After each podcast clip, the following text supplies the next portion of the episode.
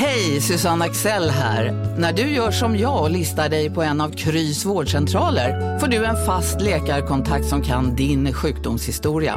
Du får träffa erfarna specialister, tillgång till lättakuten och så kan du chatta med vårdpersonalen. Så gör ditt viktigaste val idag, listar dig hos Kry. Makrorådet från Dagens Industri. Välkomna till Makrorådet, den nästan helt börs och aktiefria ekonomipodden.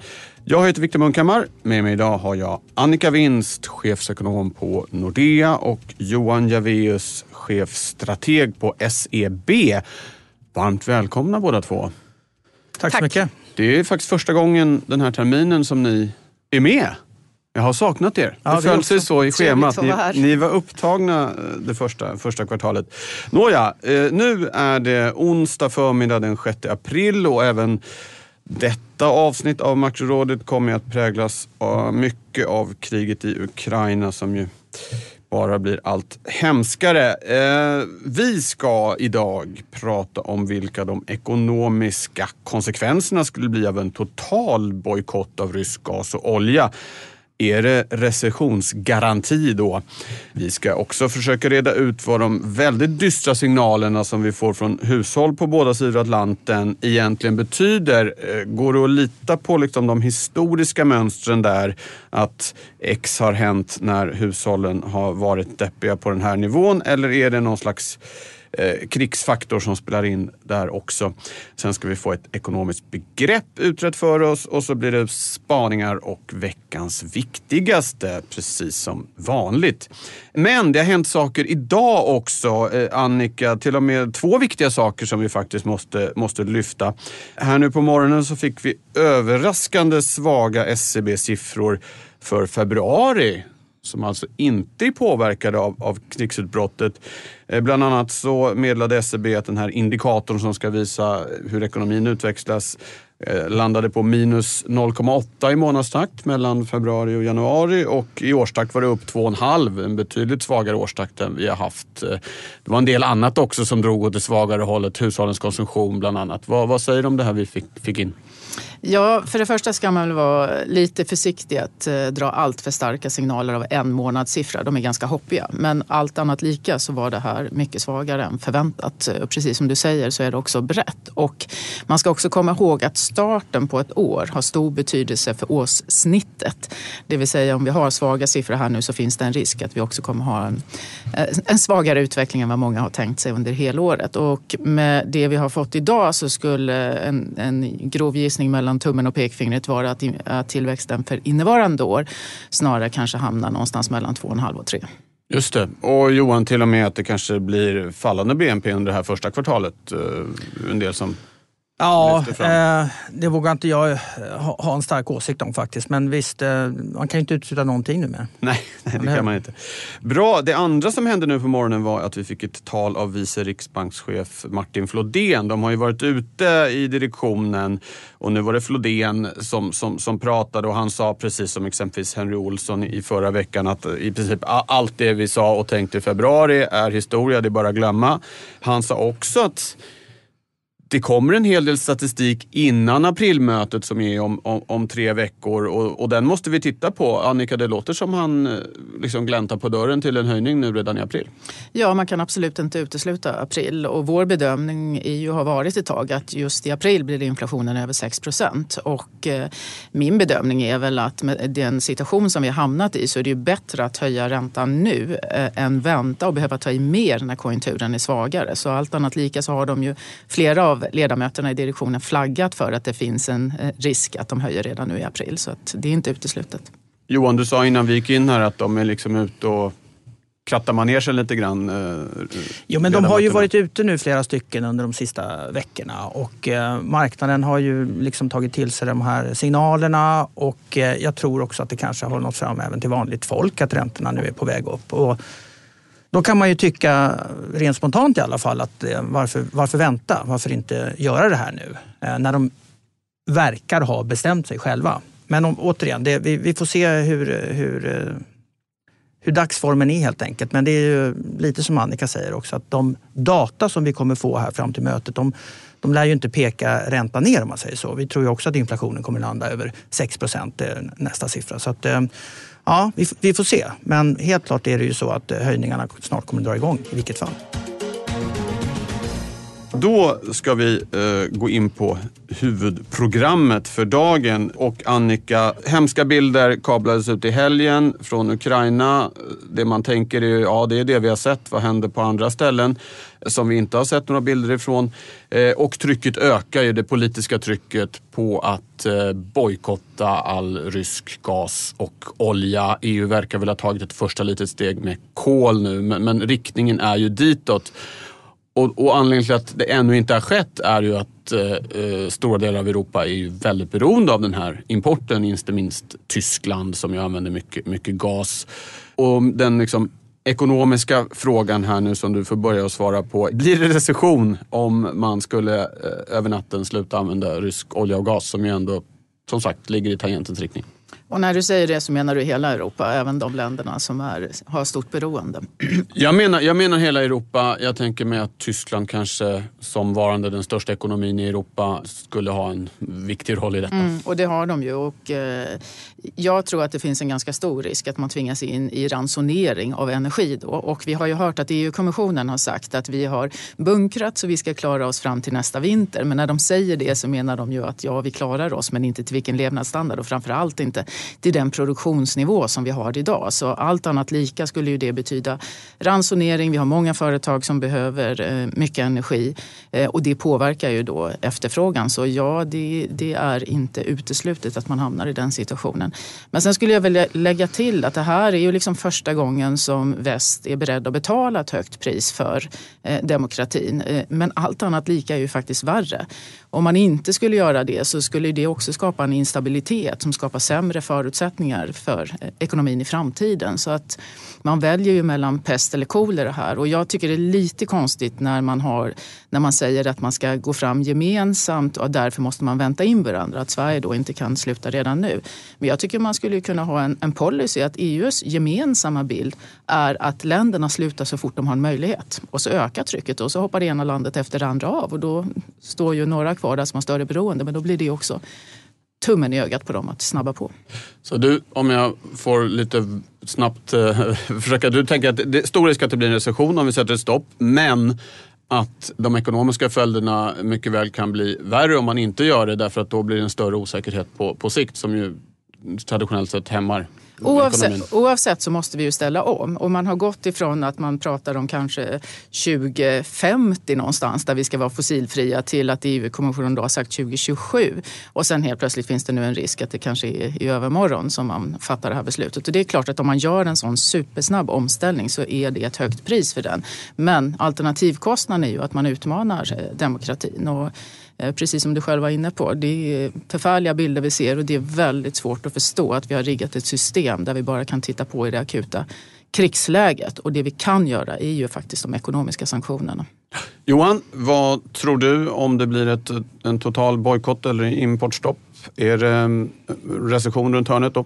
Allt beror ju på vad som händer med priserna helt enkelt. Och hur snabbt man kan ställa om och hitta andra leverantörer. Och jag tillhör de som ändå inte har varit så orolig som vissa andra då för att vi ska få de här långvariga energiprisuppgångarna som följd av det här kriget. Och, eh, råvaruhandlare de, de, de har ett talesätt i princip att råvaror de brukar alltid på något sätt hitta fram till sin mottagare. Oklart hur i, i vissa lägen. Och I det här fallet så har vi ju ett, ett läge där ingen produktionskapacitet är förstörd som till exempel var fallet när vi hade Kuwaitkriget under, under början av 90-talet. Utan eh, rysk olja kan fortsätta produceras och sen är det bara frågan vem som ska köpa den. Och då har vi ju faktiskt ett antal stora länder i världen som inte är med på de här sanktionerna. Indien och Kina. Och de kan idag köpa olja från Ryssland till en kraftig rabatt och sen göra, använda den i sin ekonomi och de kan även Ehm, Tillverkar diesel och bensin som de sen kan sälja till, till exempel till Europa. Och då behöver inte de köpa lika mycket olja från Mellanöstern som de gjorde tidigare och då kan EU kanske köpa mer olja därifrån. Så att allting handlar om huruvida det här sker nu, imorgon eller om det sker på ett sådant sätt så att marknaderna hinner anpassa sig till det här nya läget. Så att så länge produktionskapaciteten inte är påverkad eller förstörd, ja då, då är inte jag orolig för att vi ska få en situation med kraftigt höga priser på energi under en lång tid. Men den, den bilden håller jag med om. Tidsperspektivet är ju otroligt viktigt. Men, men eh, de bilderna som kablas ut just nu, de, de, trycker ju på för att man faktiskt ska backa ur det här väldigt mycket snabbare. Sen om Tyskland går med på det eller inte, det, det vet vi inte. Hushållen i, i Sverige, i Europa och USA har skickat väldigt eh, dystra signaler den senaste tiden. Exempelvis i Konjunkturbarometern som eh, Konjunkturinstitutet gör varje månad så eh, sjönk den här delindikatorn som visar hushållens humör till den lägsta nivån sedan 2009. Alltså vi får gå tillbaka till finanskrisen. Värre än när, när pandemin eh, bröt ut. Och det ser ungefär ut på samma sätt eh, i, i en del andra länder som sagt. Och det här Johan har Traditionellt har det här liksom varit en, en, en ganska kraftig varningssignal. Och nu är min fråga då, eh, är det på grund av det vi pratar om, alltså man blir ju inte precis på bra humör av det som händer. Det är ett säkerhetsläge som är det sämsta på väldigt länge. Folk köper vattendunkar och jodtabletter. Ja, liksom, då, då, är man inte sådär jättepiffig i, i, i tanken är, är det liksom en, en överdriven reaktion så att säga om man ser till de ekonomiska konsekvenserna eller är, ska vi tro att hushållen ser på det på det här viset och att vi därmed har, har den ganska kraftiga varningssignalen till, till när det gäller konjunkturen? Det är absolut en varningssignal och jag tror att det finns, precis som du säger, det är mycket som gör hushållen deppiga nu. Det, det har varit skakigt på börserna, det har eh, varit geopolitisk oro, vi har högre räntor i nästan alla länder på gång. Så det, det, är klart att det här, det här samverkar. Sen tillhör jag de som ändå inte vill använda hushållen allt för mycket när det gäller att spå långt in i framtiden om vad ekonomin är på vägen. Utan jag, jag tänker nog att industrin är, är bättre för det. Men, men helt klart är det här en bland många konjunktursignaler nu som pekar söderut. Så att eh, ja, det ser, det ser inte så muntert ut skulle jag säga om man tittar framåt. Ja, okay. Annika, hur allvarligt ser du på den här signalen från hushållen? Nej, men jag tycker inte det är särskilt överraskande, precis som Johan var inne på. Och till det ska man ju dessutom lägga väldigt höga priser. Och jag tror faktiskt inte hushållen fullt ut har tagit till sig hur mycket priserna kommer stiga. Inte minst matpriserna kommer ju att gå upp ordentligt. Så att det är allt ifrån det du köper nästan dagligdags eh, till då dina bostadsräntor och eh, svajig börs eh, där många sparar i fonder. Så det är rimligt. Men jag vill påminna om att vi kommer ifrån en period då hushållen har haft en fantastisk resa med en enorm förmögenhetsökning och där i stort sett alla har haft ett jobb. 2021 har det ju gått spikrakt åt rätt håll. Och jag tycker det är ja, anmärkningsvärt ändå hur politikerna står på tå för att tala om hur svårt det är för hushållen. Nej, eh, det är inte. Utgångsläget är bra. Det finns en liten grupp hushåll som är väldigt beroende av livsmedelspriserna och de ska man förstås stötta, men då ska man göra riktade åtgärder åt dem. Men att skicka ut stöd till alla konsumenter eller snarare alla väljare som politikerna tänker, det är ju ingen bra politik utan det hade varit bättre att använda skattebetalarnas pengar till det som rustar Sverige för framtiden, konkurrenskraft och industrin som, som Johan pratade om. Så att jag tycker att man målar upp en alldeles för dyster bild av hushållen. De har ett starkt, mycket starkt utgångsläge och man kan bära, gemene man kan bära högre kostnader utom då en, en liten grupp. Ja, du, du, tog upp arbetsmarknaden där och, och det är ju en, normalt sett så läget på arbetsmarknaden brukar ju styra hushållshumöret ganska mycket av lätt förståeliga skäl. Känner man att man riskerar att bli arbetslös eller så, så blir det ju liksom sämre. Men parallellt med de här väldigt deppiga signalerna så har vi ju jättestarka tal fortfarande på arbetsmarknaden. Senast i, i måndags, eh, veckostatistik statistiken från, från eh, Arbetsförmedlingen exempelvis. Det antalet lediga jobb ligger på liksom, rekordnivåer i princip. Det är ju en väldig diskrepans där. Ja, och dessutom är det brett. Alltså, man söker folk inom alla möjliga segment. Eh, det finns väl en liten risk att det är liksom tjänstebranschen nu som har haft stopp och sen då har tappat personal och som, som driver upp. Vi är specialister på det vi gör, precis som du. Därför försäkrar vi på Swedea bara småföretag som ditt. För oss är små företag alltid större än stora och vår företagsförsäkring anpassar sig helt efter firmans förutsättningar. Gå in på swedea.se företag och jämför själv. Hej, Synoptik här. Hos oss får du hjälp med att ta hand om din ögonhälsa. Med vår synundersökning kan vi upptäcka både synförändringar och tecken på vanliga ögonsjukdomar. Boka tid på synoptik.se.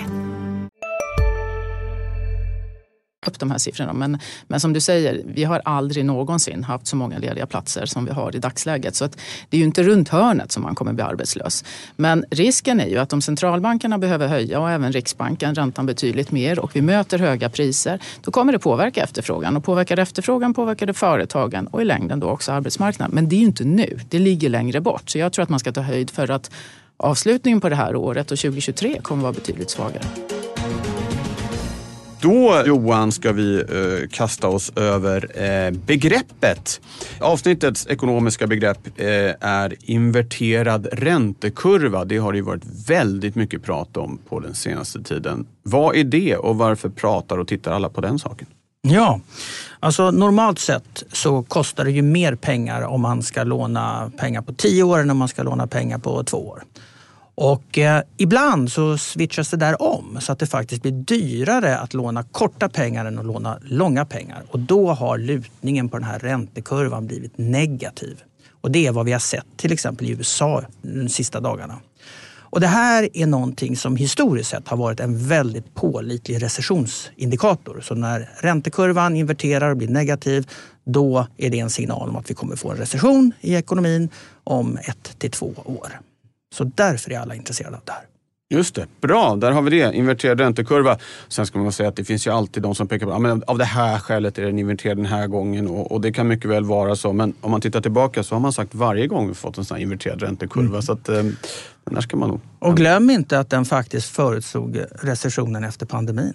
Ja, just det. Bra, då ska vi kasta oss över spaningarna. Annika, vi har pratat en del om Riksbanken här apropå Martin Flodéns tal här nu på, på morgonen. Vi kan väl också nämna att eh, Swedbank, konkurrent till, till er, också idag nu på morgonen bytte fot och nu faktiskt tror att det blir en höjning redan i april. Du har tankar om hur långt ska Riksbanken gå och framförallt vad kommer det här betyda för bostadsmarknaden? Mm. Det är ju inte bara Riksbanken som har börjat fokusera på att man ska höja tidigare utan marknaden har ju varit där länge och bytt fot betydligt tidigare än Riksbanken och sagt att det här kommer göra att man höjer räntan. Och marknaden prissätter ju det man tror och i marknaden har det då ganska länge varit prissatt att man tror att Riksbanken ska höja åtta gånger 0,25. Det tror jag inte att svensk bostadsmarknad och svensk ekonomi klarar. Det är alldeles för mycket prissatt. Eh, sen beror det lite på hur snabbt man börjar. Men jag skulle gissa att om, man, om vi antar att de kommer till skott nu redan i april, då kan man hinna höja fyra gånger i år och då är ju det en procentenhet. Idag så lånar det snitthushållet, om man lånar rörligt, till 1,50. Eh, så det är en ganska stor procentuell kostnadsuppgång om man är högt skuldsatt. Och jag tror att kanske två, tre höjningar kommer att påverka bostadsmarknaden. Och sen får man betydligt försiktigare hushåll och vi ser redan eh, idag att eh, byggbranschen har bromsat in. Eh, och det är ju någon form av oro för att man kommer ha lite lägre efterfrågan. Vi ser att arkitekterna har väldigt lite att göra. De är först ut i det här. Så att jag tror att om, om Riksbanken höjer tre, fyra gånger så kommer det att påverka svenska hushåll betydligt mer och bostadsmarknaden än vad marknaden tycks tänka när man säger att man ska höja räntan åtta gånger. Och sen skulle jag också bara vilja lägga till min lilla spaning med tanke på att vi häromdagen fick de här första eh, gångslånen eller startlånen som man nu flaggar för. Att man vill gå in och hjälpa unga människor att komma in på bostadsmarknaden. Snacka om dålig timing. Alltså, det är ju verkligen olyckligt om man i det här läget börjar hjälpa unga människor att ta större lån. I ett läge då bostadsmarknaden kan riskera att falla från väldigt höga nivåer. Här har man ju tänkt helt fel. Det är väldigt viktigt att man snarare hjälper unga människor eller de som ska in på bostadsmarknaden att spara på ett rabatterat sätt än att hjälpa dem att skuldsätta sig. Särskilt i det här läget när räntorna kan komma upp och även eh, bostadspriserna kan komma ner. Det är en riktigt dåligt utgångsläge i så fall. Ja, okej. Okay. Tillbaka till din eh, för, första tanke där. Du, menar du att de här tre, fyra höjningarna dels skulle in, liksom påverka bostadsmarknaden ordentligt. Tror du också att det skulle vara tillräckligt för att få ner inflationen så att Riksbanken känner sig nöjd? Ja, och det är ju det som är problemet. Eh, jag har länge varit kritisk, ända sedan 2015 till att centralbanken och inte minst Riksbanken för en expansiv politik även i goda tider. Och det har gjort att vi har en efterfrågeinflation som är väldigt hög. Och sen på den har vi fått två ketchup-effekter. Ett, pandemin som har drivit upp fraktpriser och så vidare, insatsvaror och två, kriget som då driver upp råvarupriserna. Och nu behöver ju eh, Riksbanken få förtroende för att man ska få ner inflationen och risken är ju uppenbar att man behöver höja mer än vad svensk ekonomi och bostadsmarknad faktiskt klarar. Och det är därför som jag menar att det är bättre att de börjar nu eh, så att man slipper riskera att ta i väldigt mycket när konjunkturen viker. Och som jag sa, jag tror att vi har en betydligt svagare ekonomisk situation i slutet av det här året och nästa år. Och då är det olyckligt om man ska behöva höja räntan också. Jag ska strax släppa dig, men bara tror att bostadspriserna är lägre vid årsskiftet än de är nu? Ja, om man höjer fyra gånger så skulle jag nog säga att vi snarare är åt det hållet. Ja. Johan, någon snabb reflektion på Annikas eh, spaning? Nej, men jag, jag kan hålla med om, om eh, det mesta av det som Annika sa faktiskt. Och, Det var eh, synd, det är roligare när ni ja, inte håller med vet, varandra. Men, men- jag men, fattar, kan det väl säga är så svårt här. att säga emot. Ja. Men det effektivaste sättet att, att hjälpa unga till en eh, bostad det är väl att höja räntan rejält och så priserna kommer ner. Ja. Men, men det, det kanske är andra som har Högt, synpunkter högt på om det är bra. samhällsekonomiskt pris för övriga. Ja, ja. Johan, du ska också... Det, det är ju mycket med centralbankerna nu. Det är så. Du har tittat över Atlanten, eh, där vi också har en centralbank som är väldigt viktig, Federal Reserve. Som Ja. är på krigsstigen. Ja, Eller, precis. Det är Och de har ju man varit- ska använda nu, när, men ja, strunt samma, ni fattar. Ja. Ja. Nej, men de har ju varit det under ett tag nu. Och, eh, det är ju så att marknaden prisar ju snabba Fed-höjningar nu och det kommer ju nästan varenda dag nya tal som indikerar att det ska höjas mer och 50 punkter och, och, och så vidare. Och eh, nu är det väl så att om precis ett år ungefär så har vi då en Fed-ränta på eh, öv, ja, en, bra bit över två, eller en bra bit över 3 procent. 3,2 procent tror jag är marknadens prissättning just nu. Och eh, det här är, ju naturligtvis eh, mycket aggressivt och Fed kämpar ju precis som många andra länder med väldigt hög inflation och den fortsätter att stiga. Och man har ju länge hävdat att det här är tillfället och snart kommer det ner men man kan liksom inte längre stå och titta, titta på utan man är tvungen att agera och det gör man nu med full kraft skulle man kunna säga. Och Frågan är ju då, om det nu skulle vara så att inflationen kanske ändå är nära toppen nu. Kanske till och med så att eh, den nästa siffra visar sig vara toppen. Och att vi sen under resten av året skulle få en inflation som fortfarande är hög, men den är inte på väg upp som nu, utan den är på väg ner. Då skulle jag åtminstone tro att eh, det kommer att göra Fed och det kommer att göra marknaden eh, lite lugnare. Och då kanske vi skulle kunna få se en utveckling som inte präglas av mer högaktighet hela tiden utan att man faktiskt kanske kan ta några steg tillbaka från de här väldigt aggressiva planerna på att höja räntan som vi har just nu. Och det skulle ju vara naturligtvis fantastiskt för inte bara aktiemarknaden utan även för fastighetsmarknaden och för hushåll generellt sett om det skulle ske.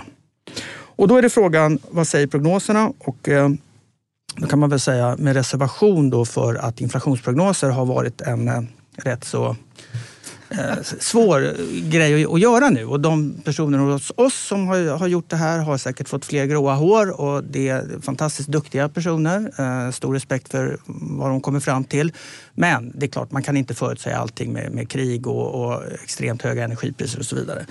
Men med den information som finns på bordet just nu så är det i alla fall så att eh, de prognoserna de pekar för att inflationen faktiskt når toppen i mars nästa siffra och sen faktiskt kommer börja röra sig neråt.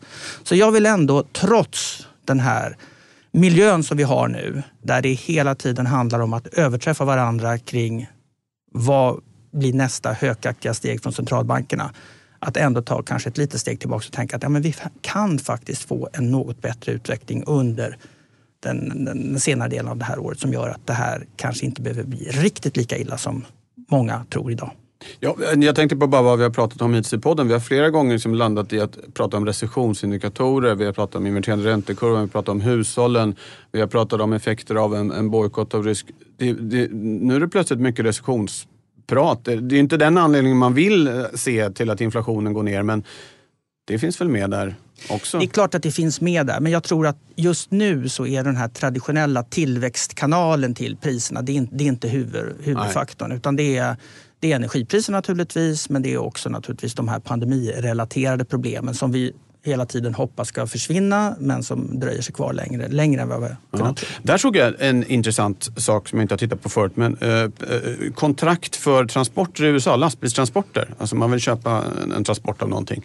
Att eh, där har det börjat sjunka betydligt. Att Ja, om du vill väl- köpa en lastbilstransport om en månad så det är liksom, kurvan är neråt. Ja, ja, men vi En får- inverterad kurva. Inverterad kurva Ja. där också. Ja, men vi får väl hoppas att det, den utvecklingen fortsätter. Ja. Eh, Men, men som sagt, Ja. Eh, Annika, Johan eh, också inne på, på räntehöjningarna här med men, men Fed då. Vad tänker du? Kan det vara så att det är väl aggressivt inprisat även på Fed? Ja, men först skulle jag vilja säga att när, när Johan gör den här beskrivningen så är det USA. Och USA ligger före Europa och ligger före Sverige. Så att eh, om det är någon lyssnare som tänker att det är konstigt att vi precis har pratat om att vi ska få höga inflationssiffror i Sverige så är det för att USA ligger före och Fed är också tidigare. Och då är det också rimligt att de når toppen tidigare. Så att eh, ja, det finns en chans eh, att, eh, att vi är nära den toppen. Samtidigt så tycker jag att det är lite bekymmersamt med nedstängningar i Asien Eh, där Shanghai, mångmiljonstad, eh, är stängd. Eh, Redan nu när det är hyfsat varmt. Jag trodde vi skulle få se det i höst.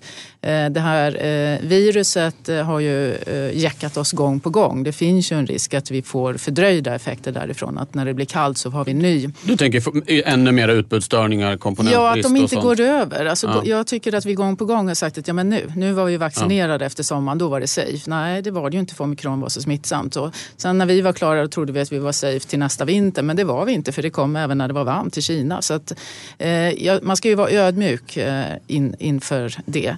Men man ska ju också komma ihåg att inflation, det bygger ju på att priserna stiger. Det räcker inte att de är höga. Och här, det är värt att påminna om. För många tänker att Nej, men nu är det så högt så att då har vi inflation. Men, men priserna ska ju upp hela tiden och det är ju mindre sannolikt, precis som Johan är inne på.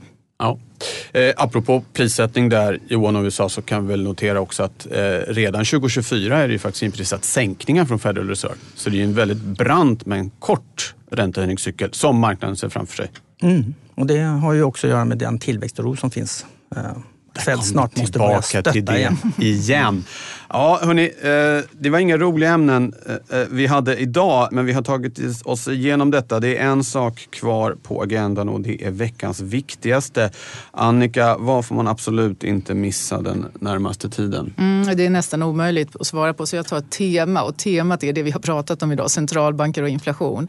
Ikväll kommer Fed, onsdag kväll kommer eh, Fed eh, med sitt eh, besked Eh, och då är det väldigt viktigt hur de kommenterar balansräkningarna. Eh, Balansräkningar avgör långräntorna. Långräntorna är det som har stor betydelse för amerikansk ekonomi. Och sen följs veckan upp med inflationssiffror både från USA och Europa och räntebesked från ECB på torsdag. Så att här gäller det att eh, stå på tå hela veckan. Och på torsdagen som då är skärtorsdagen får vi också det nästa svenska inflationsutfall Ja, som det låter som Ja. exempelvis Martin Flodén kommer att studera i detalj. Hopp. Inte bara han. Nej, inte bara han, precis. Vi ska alla ägna påsken åt detta.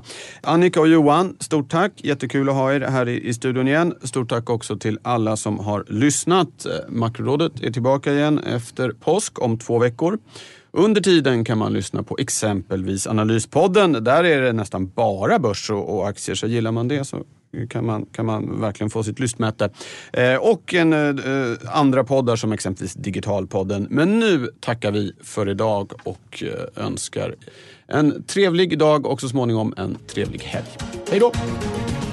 Makrorådet från Dagens Industri. Podden klipps av Umami Produktion. Ansvarig utgivare Peter Fällman.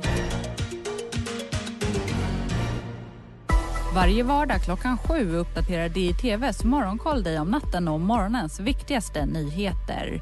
Från börsstängningen i New York till läget i den asiatiska handeln. Och strax därefter kommer podden med samma namn. Prenumerera på Morgonkoll du också så är du uppdaterad inför varje ny arbetsdag. Morgonkoll finns där andra poddar finns.